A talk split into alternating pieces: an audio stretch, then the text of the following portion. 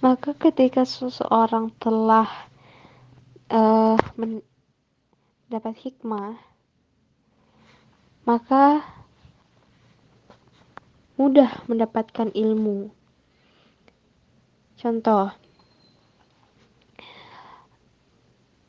ilmu itu mudah sekali masuk ke dalam diri dia karena dia sudah mendapat hikmah oleh Allah. Belajar 4 tahun seperti belajar 40 tahun. Biasanya ini dimiliki oleh wali-wali dan wali-wali waliullah ini sudah terlihat semenjak kecil.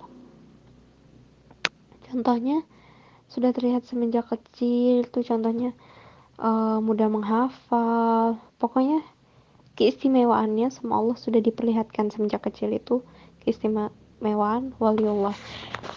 Apabila tidak terlihat tanda-tanda,